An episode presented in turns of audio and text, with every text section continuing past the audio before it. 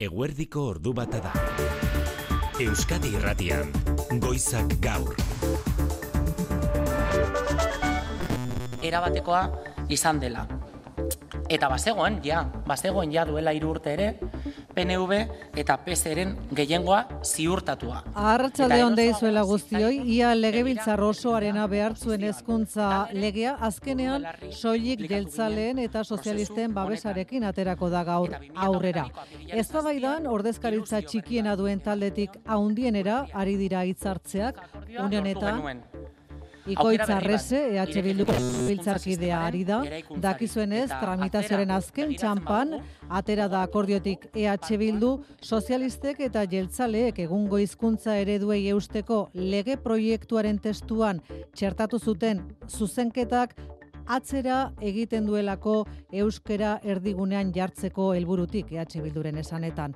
Legea onartu orduko aterako da prentza aurrera Jokin Bildarratz hezkuntza sailburua, atarikoan legea onartu ordu bertan bera usteko eskaria egin dute norberak bere aldetik, baina protesta desberdinetan eskola publikoa zarro plataformak, ela sindikatuak edota Euskal Herrian euskeraz taldeak. E, nik usten ari gara, e, bueno, Euskal Gintzak, sindikatuen gehiengoak, hainbat denbora luzez eskatzen egon diren, lege honi eskatzen egon diren gutxieneko hori bermatzen ez duen lege bat dela.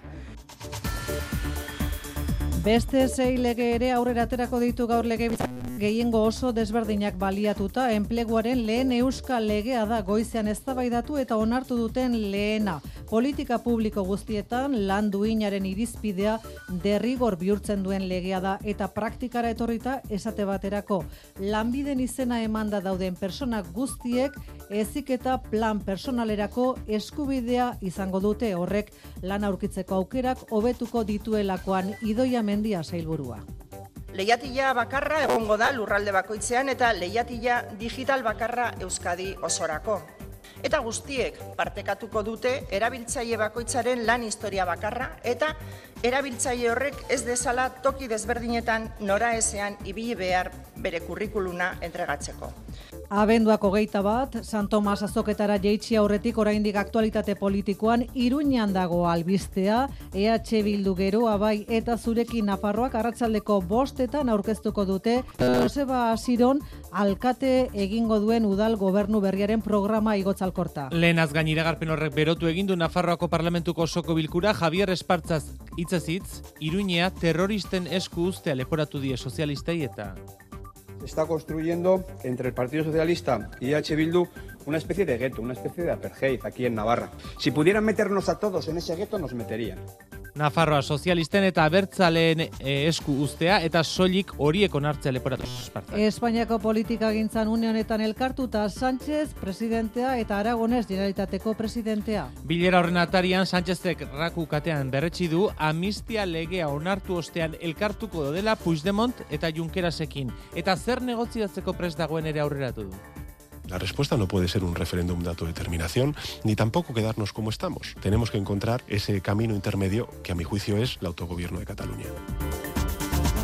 Futbolean Superligari eta FIFAk jarritako betoa Europar araudiaren aurkakoa dela ebatzi du gaur bestalde Luxemburgeko Europako Justizia Auzitegi Nagusia. Sententziak araudiak ezartzeko eskumena aitortzen die federazioi, baina ez aurretiezko betoa ezartzekoa. Madrilgo merkataritza auziategiak egin zion galdera, Europar Justiziari eta erantzun eskuan epaitegi horrek hartu beharko du orain lehen erabakia. Baina prozesua luzea izango da epaitegiak Superligaren alde egiten badu ere. Hala aurre ikusi du, Nacho Bergara kirol zuzenbidean adituak. Horrek eduko dau beste apelazio bat. Eta azken finean hori guzti hori bukatuko dau berriz ere Europa batasuneko justizia auzitegi izan.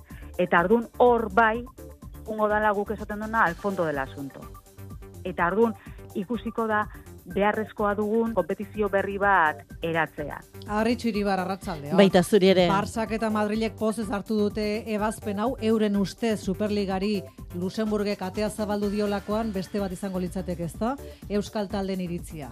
Bai, eta oraindik ere ez dugu horrelako iritzirik jaso. Agian, nahikoa landutelako gaur gaurkoz, ba, liga jardunaldiarekin, atzo atletikek bat eta huts, laurogeita malaugarre minutuan, Unai Gomez sartu sart, Unai Gomezek sartutako golarekin irabazi zuen, gaur Realak osasunak eta alabesek dituzte partidak. Realak Kadizen jokatuko du, puntuak beharrezkoak, ba, hor e, etenik ez sortzeko Europako postuei dagokienez, osasunak aukera ona du puntuak lortzeko Mallorcan, eta alabesek ondo jokatu baino zerbait gehiago egin beharko du, Real Madrid izango baita gaur mendizorrotzan aurkaria. Orain bai, tradizioari utxik egin gabe baserritar jantziek eta festa giroak bete ditu eta kaleak Bilbon, zein Donostian San Tomas egunean, Donostiako Konstituzio plazan, talo eta txistorra usaiak jaun eta jabe behar du alde zarraren bihotzean, Jon Artano eguraldi goibeldak atzendu aldu jendea. Ba ez, ez du atzendu eta Konstituzio plazan arkupen abaroan da jendea, gu dena den Trinitate plazara etorri gara orain, hause delako festagune bisiena oraintxe bertan, entzungo dituzue bertsolariak. Bai, Miren artetxe, miren artetxe eta une gaztelo mendiari dira kantuan, eta eta izkolariak prestaketan e, aurki hasiko baita, urrezko kopa jokoan, eta lau oizkolari bipil, eh, zein baino zein, nere arruti, malen barren etxea Carmele Gisasola, eta Oiane Fernandez de Barrena. Bigarren konexioa Bilboko areatzarekin, mugitu ezpada behintzat janire geren nabarrena, aurrera janire. Bai, e, arratsaldeon goiz osoan zehar eguraldiak errespetatu egin du hemen Bilbon, lehen orduko euri lan parraz aparte, ateri mantendu da, eta milaka izan dira San Tomas azokaz gozatzera, onaino hurbildu diren herritarrak egia esan une honetan, postuen barrena mugitzea ere, kosta egiten zaigu ekoizleak posik jendetzarekin eta baita salmentekin ere. Jende pila bat dabil hemendik eta oso gustora. Bagabiz hemen apurka apurka dana saltzen. Lengotan apurtxo koste dazti, baina ja martxi hasi da eta denbori laguntzen daude, posik. No, ia ze uraldia pixkat onu izan zen, baina, bueno, aurten ateri aida bentsa eta ondo. Erakusmai batzuetan genero gutxi honezkero, talo postuak eta sukalki eta babarrunenak dira une honetan jendea barra barra erakartzen ari direna. Ba berriz ere egingo dugu bat, albistegi honen amaieran Bilborekin eta Donostiarekin, San Tomas eguna Ez da bide batez Bilbon eta Gasteizen autobus zibiltzeko egunik apropesena izan, hogeita lau orduko lanuzte egiten ari dira Bilbobuseko eta Tubisako langileak eta gainera greba egun gehiago iragarri dituzte gaurko mobilizazioetan. Errepidezaren nagusia unionetan nola dago aloina beraza? Bai, ba, Gasteizena bat autobidean errepideko lanengatik eskuineko erreia itxita dago eta lau kilometroko autoiarak daude burgoserako norabidean. Eguzkine iturriotz Euskalmet Arratsaldeon. Arratsaldeon. Ateri esaten ziguten San Tomaserako momentu honetan, baina ez dakit urrengo orduak nola datozen eguzkin, eh? Bueno, datozen orduetan ere goibel egongo da eta iparmente baldeko zakar joko du bereziki itxasertzean eta ebro ibarrean. Beraz aizea giro ezatxegina eragingo du. E, euriari dagokionez berriz zaparradak oso noizean behibarako ditu eta batez ere kantari zurialdearen ekialdean. Adibidez, Bizkaian, Araban eta Nafarroa iparraldean, e, ar, barkatu, Nafarroa aldean, iaz euririk egingo. Eta bihar hitzetan? Antzeko eguraldia, goizean iparmende baldeko aizea gogor joko du, baina arratsaldean indarra galtzen joango da, eta noizbenka eta hemenka zaparra da botako ditu batez ere kantauri zurialdean. Bihar arte guzkine. Bai, bihar arte. Kulturan Euskal Sorkuntzaren erakusleioa handia izaten den Bilboko Loraldia jaialdiak amargarren edizio izango du datorren urtean Manu sortu. Kaixo maite Loraldia datorren urteko martxoaren batetik hogei teirura loratuko da kultura Loraldiaren eskutik Bilbon eun da hogei sortzaile pasako dira bertatik musikariak, idazleak, antzarkilariak, umorean ari direnak, dantzariak, Durangoko azokako antolatzailei entzun genien gixan, Loraldiko lagunek ere gazte jendea erakarri nahi dute ekitaldietara eta bigarren helburu bat ere badute. Amaia Ozerin ba, Euskalduna ez den jendea, de Euskaldunak ez diren hiritarrak erakartzea eta ikustea badaukatela parte hartzeko modurik, batez ere hausnarketa egitea zer galtzen duten, ez? Euskal kulturatik hurbilez daudenean zer galtzen duten eta zein aberatsa den euskaraz sortzen dugun kultura baita ere. Planak egiten hasi nahi baduzue, egitara osoa loraldia.eu atarian daukazu emaite. Osatu dezagun sarrera zuei eskerrak emanez, ziez ikerketa etxeak ezagutarazi ditu gaur datuak eta hoien arabera Euskadi Irratiaren entzule kopuruak azten jarraitzen du igotz. 2023ko datu orokorren arabera, eun eta berrogeita lau mila entzulek egiten duzu bat egunero Euskadi Irratiarekin, hau da, iazko datuekin alderatu konparatuta euneko amaikako igoera izan du Euskadi irratiak, gazta irratiak ere eunda 6 mila entzule bere ganatu ditu, eta oroar EITB-ko irrati taldeak, ia milioi erdi eskerrik asko beraz. Ordu bata eta amar minutu dira Mikel Retegi eta Xabi Iraola teknikan eta errealizazioa. Euskadi irratian, goizak gaur. Maite Artola. Iruña gaur arratsaldeko bostetan sinatuko dute EH Bildu geroa bai eta kontigo zurekin taldeek udal gobernuaren programa Pamplona Katedral Hotelaren karpa batean egingo dute ekitaldia abenduaren hogeita sortzian Kristina Ibarrola UPNeko alkateari agintea kendu ostean indarrean izango den gobernu programaren berri emanez. Dakizuenez, PSNek kanpotik babestuko du Joseba Asiron EH Bilduko alkatearen udal gobernua. Ibarrolaren ustez, duela sei hilabete da gaur irudikatuko dutena. Aitor Perez Arratsaldeon. Arratxaldean bai, sei egunez luzatu dira negoziak eta ofizialak eta sieratik hiru alderdiek erakutsitako sintonia gaur islatuko dute papar baten gainean Joseba Sironek, gero abaiko Mikel Armendarizek eta zurekin Nafarroako Txema Mauleonek izenpetuko dute gobernu akordioa. Protokolo zehatza helarazi digute eta sinadurez gain hainbat familiar gazki ere aurre ikusi dituzte. Besteak beste alderdi bakoitzeko udal ordezkariak, baina Nafarroa maiakoak ere egongo direla aurreratu digute. Gobernua egitura gaur egungoaren antz antzekoa izango da alkatezaz gain zortzi alor nagusi izango ditu momentuz aurreratu daiteke gero abaik eta zurekin Nafarroak alor banakudeatuko dutela eta besteak EH Bilduren esku geldituko dira. Amaika zinegotzik osatuko dute gobernua eta alderdi sozialistaren kanpoko babesa izango du hartara amasei zinegotzirekin alderdi aurrerakoiek gehiengo zabala izango dute. Akordioaren berri izan eta ere bere ala, oraindik ere alkateen Kristina Ibarrolak berriz ere gogor egin du zentsura mozioa babestu duten alderdien kontra, bereziki PSNren kontra.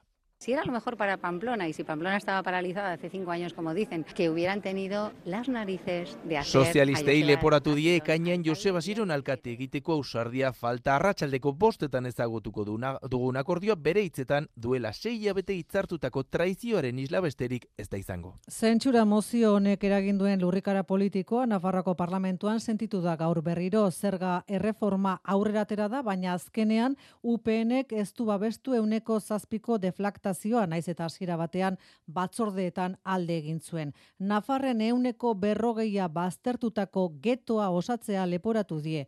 Upenek gaur sozialistei eta abertzalei elieraso aurrera. Bai, fiskalitatearen eztabaida albo batera utzita, Javier Esparza upeneko presidenteak utz hitz gogorrak zuzendu dizkie, Iruinan zentsura zioa adostu duten taldei, zaborra direla berretxe die sozialistei, terrorista deitu die EH Bildukoei, konpartxa horren morroi, geroa bai eta zurekinekoei. Van de la mano con los que no les llamaban escoria, no. Con los que hacían que ustedes llevaran escolta. Por lo tanto, en fin. Eta hildo horretatik leporatu die Nafarren euneko berrogei baztertutako geto bat osatzea. Upeneren jokabidea tamalgarria dela, aurpegiratu dio alderdi sozialistatik Ramon Altzorrizek. Que la izquierda berchale venga a postulados constitucionales y democráticos es algo positivo. Bizikidetzaren alde aurrera pausoak ematen ari direnen kontra ekitea leporatu die alzorrizek erregionalistei. Zerga erreformari dagokionez maite inflazioari aurre egiteko neurriak biltzen ditu, besteak beste, errenta tardete guztietan deflaktazioa, aurten euneko laukoa eta datorren urtean euneko irukoa. Horrez gain, eunda berrogeita mar euroko kenkaria ezarriko zaie, hogeita mar mila eurotik berako errentei, gainera alokairuko kenkariak handituko dira, bereziki hogeita mar urtetik berako herritarrentzat, ondorioz foru ogasunak berrogeita mar milioi euro gutxiago bilduko ditu. Goizak gaur. Bete behar diren printzipio horiek jarraikiz Honetan jota ari da izketan, legebiltzarreko eztabaida horretan, dakizuen ez Euskadirako etorkizuneko hezkuntza lege urrengo minutuetan espero da legebiltzarraren argi berdea jasotzea, esaten ari gatzizkizuen bezala, hezkuntza legeren inguruko ituna adostu zuten lau alderdi nagusietatik azkenean, soilik jeltzale eta sozialisten babesa izango du legea. Ordezkaritza txikiena duten alderditik hasi dira hitzartzen eztabaida honetan eta behin legea onartuta aterako da prentza aurrera Jokin Bildarratz sailburua Aixun Arozena. Arratsaldeon bai legealdi osoa eman hezkuntza lege berria izango den horretan lanean hemen eta orain behin betiko onespena jasotzeko ordua iritsi da. Eta zer diote alderdi politikoek? Bada txikitik handira ari dira hitz egiten hemen. Horrela gizartea sartitzen duen legea dela esan du Ciudadanosek soilik jaurlaritzaren legea dela gaineratu Voxek. Eta euskara inposatzen dela. Popularrek lege txarra dela eta porrota Carmelo Barrio. Va ser una mala ley. Eta hizkuntza ereduekin azkenean zer gertatuko den ere ez dagoela argi salatu du popularrek. Kontrako botoa emango du elkarrekin Podemos iuk ere hezkuntza sistema hobetzeko aukera galdu dela salatu du miren gorrotxategik. Zergatik esaten dut hau, ba, irmotu egingo dugulako Europako hezkuntza sistemarik privatizatuena.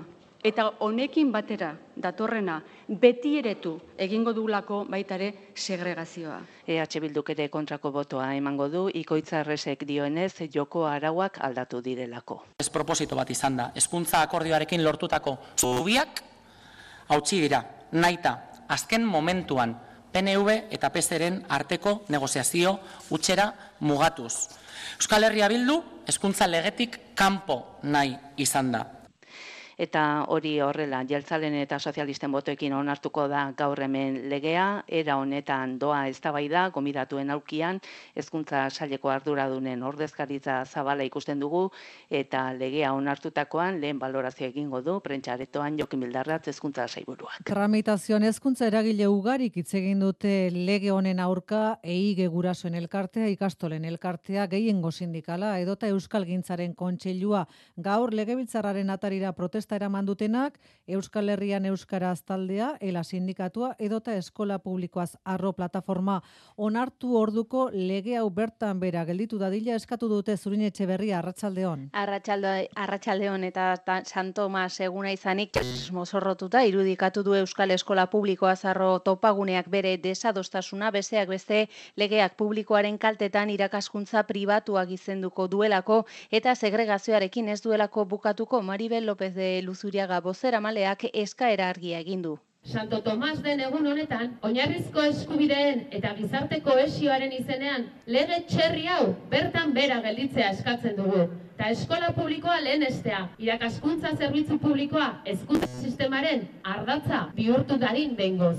Bide beretik ela sindikatua adostasun eskaseko legea delakoan, hezkuntza komunitatea eta euskalgintza kontra daudela onartuko dela salatu du miren zubizarretak.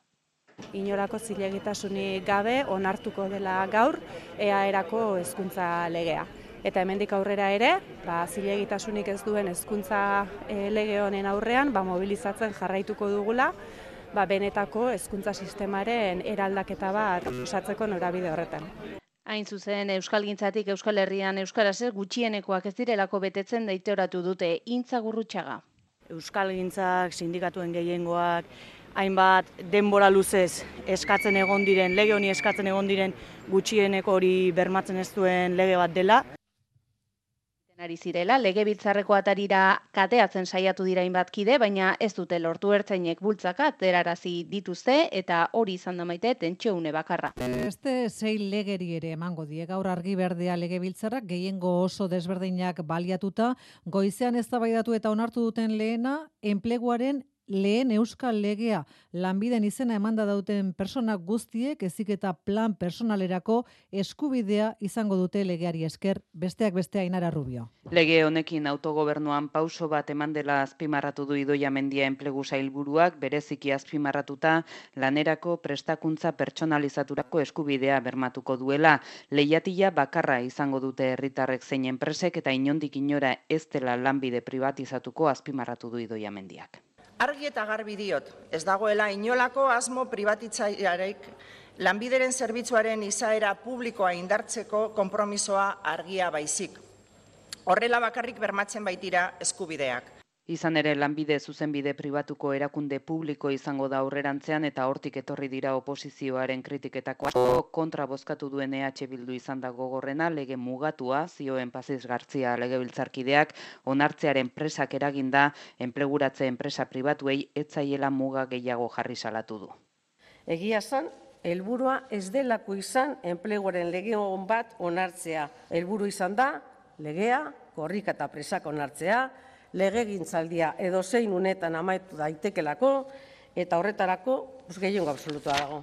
Jeltzale eta sozialistek bozkatu dute alde, elkarrekin Podemos, IUPP eta Ciudadanos abstenitu egin dira eta kontra bozkatu dute EH Bilduk eta Boxek ikusmina piztu duen legea, konbidatuen palkoan izan dira, Komisiones Obreras eta UGTko buruzagiak edota Konfebaskeko ordezkariak besteak beste. Hezkuntza legea eta enplegu legeaz gainera gaur legebiltzarrean aurrera atera da datuen babeserako Euskal Agentziaren legea eta arratsaldean besteak beste enpresen deslokalizaziori aurre egiteko legeak jaso du argi berdea.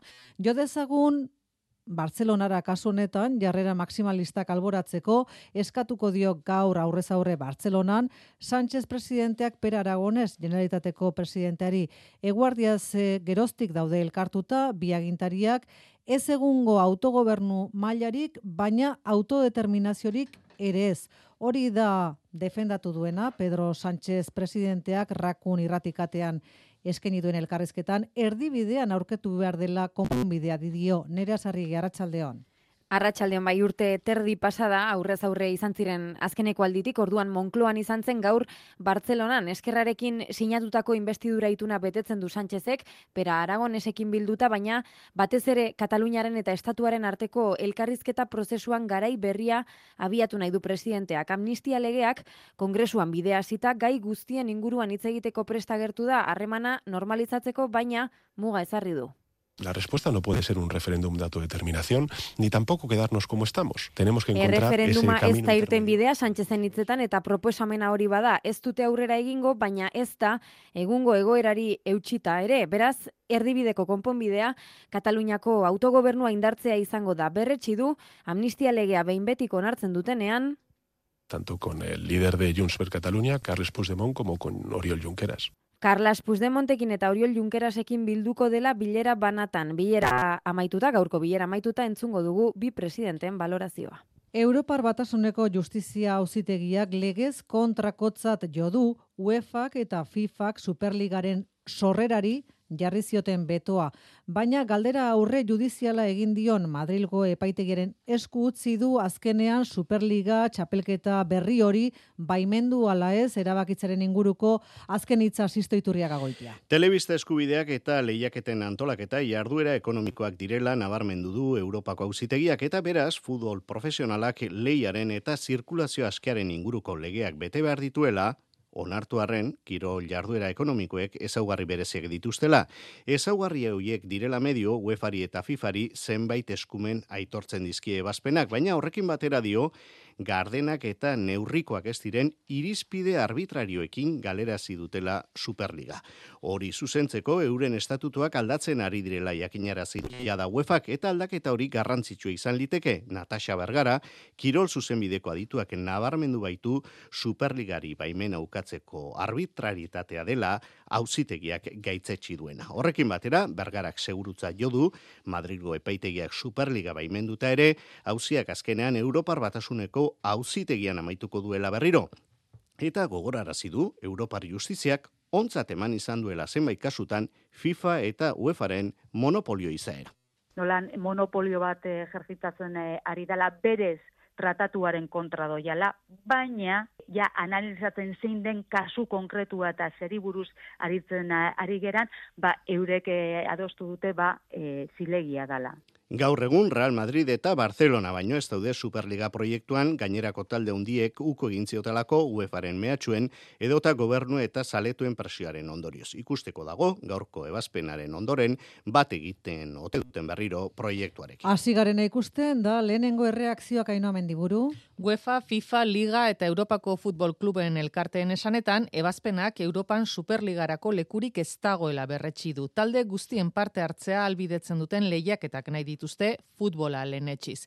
Europako Superliga bultzatu duten futbol talde handien esanetan, Europar Batasuneko Justizia Uzitegiak eurei ere arrazoia eman die. Florentino Pérez Real Madrileko presidenteak ebazpena historiko dela esan du. En primer lugar, que el fútbol europeo de clubes no es ni será nunca Europako kluben futbola ez da monopolio izango eta klubak euren etorkizunaren jabe izango dira.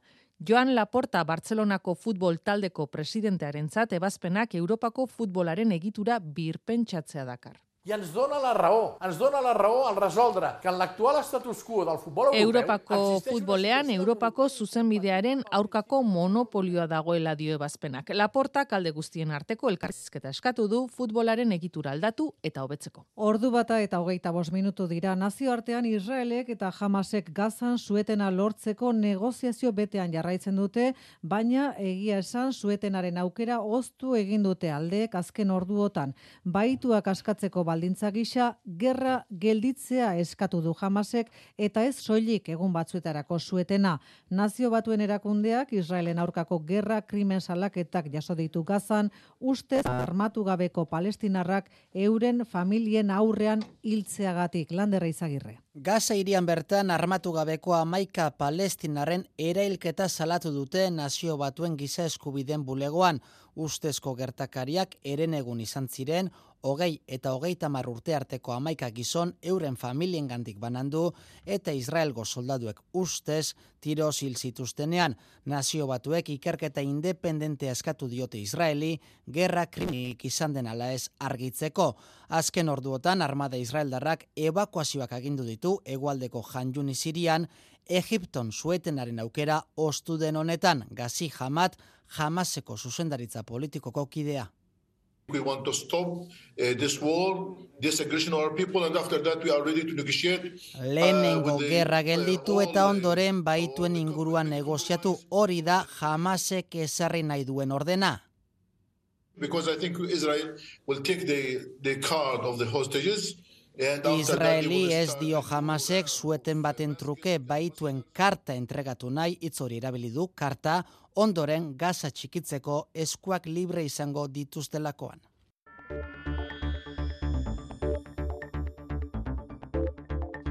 Abenduak hogeita bat, San Tomas eguna asko izango dira garraio publikoa erabiltzeko asmotan direnak, Bilbon eta gazteizen ala ere, Bilbobuseko eta Tubizako langileak egun osoko grebari dira egiten lan hitzarmena berritzea aldarrikatuz. Eta urtzi gartzi arabako hiriburuko autobus gidariek ez dute gainera baztertu lanuzte gehiago Bilbokoek aldiz beste hogeita mar iragarrita dituzte hemendik maietzera bitarte. Horietako zei gainera hogeita laburdukoak izango dira, biobide enpresako zuzendaritzak ez duela negoziatzeko borondaterik salatu dute lan batzordetik, Bilbobuseko langileen alarrikapen nagusiak azaldu ditu Fernando Batana batzordeko kideak. Txarmen berri bat eta duin bat eh, lortzea, murriztu dizkiguten eh, eskubideak berreskuratu, batez be, bueno, 2008 batetik e, soldatak izostuta daude, eta, bueno, soldata horiek eh, egokitu nahi ditugu. Gazteizko tubizakoek ere lan hitzarmen berri eta duina nahi dute, baina baita zerbitzu batzuen privatizazioan atzera egite ere, pandemia zehar bertan bere utzitako lineak berrezarri gabe jarraitzen dutela salatu du, ekaitzo jargunen lan batzordeko kideak zerbitzu asko langileen bolondrez, langile bolondrezekin betetzen da, eta langile bolondrez horiek ez daudenean zerbitzuak ez dira ematen. Orduan, ba, bueno, ba, lineak berreskuratu eta langileak kontratatu. Bilbo eta Gazteizko greben jarripen oso zabala, euneko euneko izaten ari dela diote Bilbobus eta Tubisako lan batzordeek. Jai giroan, jo dezagun Bilboko areatzara nola dijoa San Tomas Azoka eta San Tomas eguneko giroa janire geren abarrena? Ba, giro apartarekin jarraitzen dugu hemen Bilbon, areatzako kioskoan, une batetik bestera, hasiko dira ekoizlerik onenen sariak banatzen, eunda hogeita bat izan dira, berreunda mabost etxolatan gaur hemen bildu diren ekoizleak, lehen orduan eguraldia keska nagusi izan badute ere, posik somatu ditugu duela minutu gutxi, jendeak aurten ere, ez duelako utxik egin jende pila bat dabil hemendik eta oso gustora. Bagabiz hemen apurka apurka dana saltzen. Lengotan apurtxo bekoste dazti, baina ja martxi hasi da eta denbori laguntzen daude, posik. No, ia seguraldi ja pizkat onu izan zen, baina, bueno, aurten ateria da bentsa eta ondo. Bai, Santo Tomasen nik uste beti, naizta edurra egin jendea animatu iten da. Ba, hoi baino, berandu agian, baina milaka izan dira, asokaz gozatzera etorri direnak jente asko, gauza asko ezin duzu ikusi, baina bueno, ondo. Bueltatxo emo, zeu zer erosi, ontsa zeu zer zupik hau dugu eta tragutu betartu. Gaztasati bat, edo, edo zeran estia, bebai, edo zeu zer erosiko dugu. Egun polita ez du euririk egiten eta disfruta zera, apurtzu bat. Oso ona, giro ona, bai. Bokata bat, jaten, zagarda, Eta poltsikoak ere ustu ditu batek baino gehiago keguna luzea da oraindik eta festarako aitzakiarik ez da falta hemen Bilbon. Donostiako aldezarrean bersozalek Trinitate plazan dute itzordua ordunetan eta gainerako herritar asko Konstituzio plazako arkupetara bilduta Jon Artano Arratsaldeon. Arratsaldeon, San Tomas eguna argitu orduko iluna eta gaur argitzen ere nahiko lan. Baserritar blusen koloreko azerua Gipuzkoako hiriburuan, euria goian behian, aize zirimolak ere bai, eta jendea Konstituzio plazaren arkupen abaroan pilatuta. Eguraldia petrala, giroa ez. Bueno, ba, hemen azoka ikusi, txerria eta zeuze jango egu. Baino gaur da nere urte betetzea. Ez hemen lagunarekin giroa ikustea, eta hemen aigea, ontsi hasi berriak. Eguneko lehenbiziko pintxua daztatu dugu, oikua, ogia eta txistorra. Goizean goizetik sisili txerriaren kurrinkak Venga. eta talogileen kolpeotxak entzun dira hirien jarritako eunda irurogeita zazpi salmenta postuetako askotan. Trikiti eta txistu aireak ere bai. Joko handa aizkolarien urrezko kopa. Arratsaldean Jose Lontxos txaranga ibiliko da kale jiran eta musikoak dantzatuko dituzte bulebarrean. Eta gero, gerokoak. Gero gerokoak ordu eta terdiak.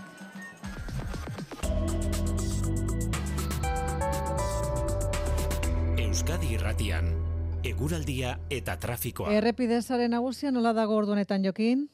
Adibili Bizkaia sei bost errepidean Amorebietako hautzaganako zeharbidean moto ezbehar bat izan da. Gidaria zauritu da larrialdi zerbitzuak bertan dira une honetan eta gogoratu gazte izen abat autobidean Madridera bidean errepideko lanengatik eskuin erraia itxita dago. Une honetan bost kilometroko autoilarak bertan. Eguraldiaren pronostikoa Euskalmeten eskutik. Arratsaldeon datozen orduetan ere goi belegongo da eta iparmendebaldeko haizeak zakar joko du bereziki itsasertzean eta Ebro ibarrean. Alabaina zaparradak oso noizean behin botako ditu eta batez ere Kantauri surialdearen ekialdean. Bizkaian, Araban eta Nafarra hegoaldean adibidez ia ez egingo.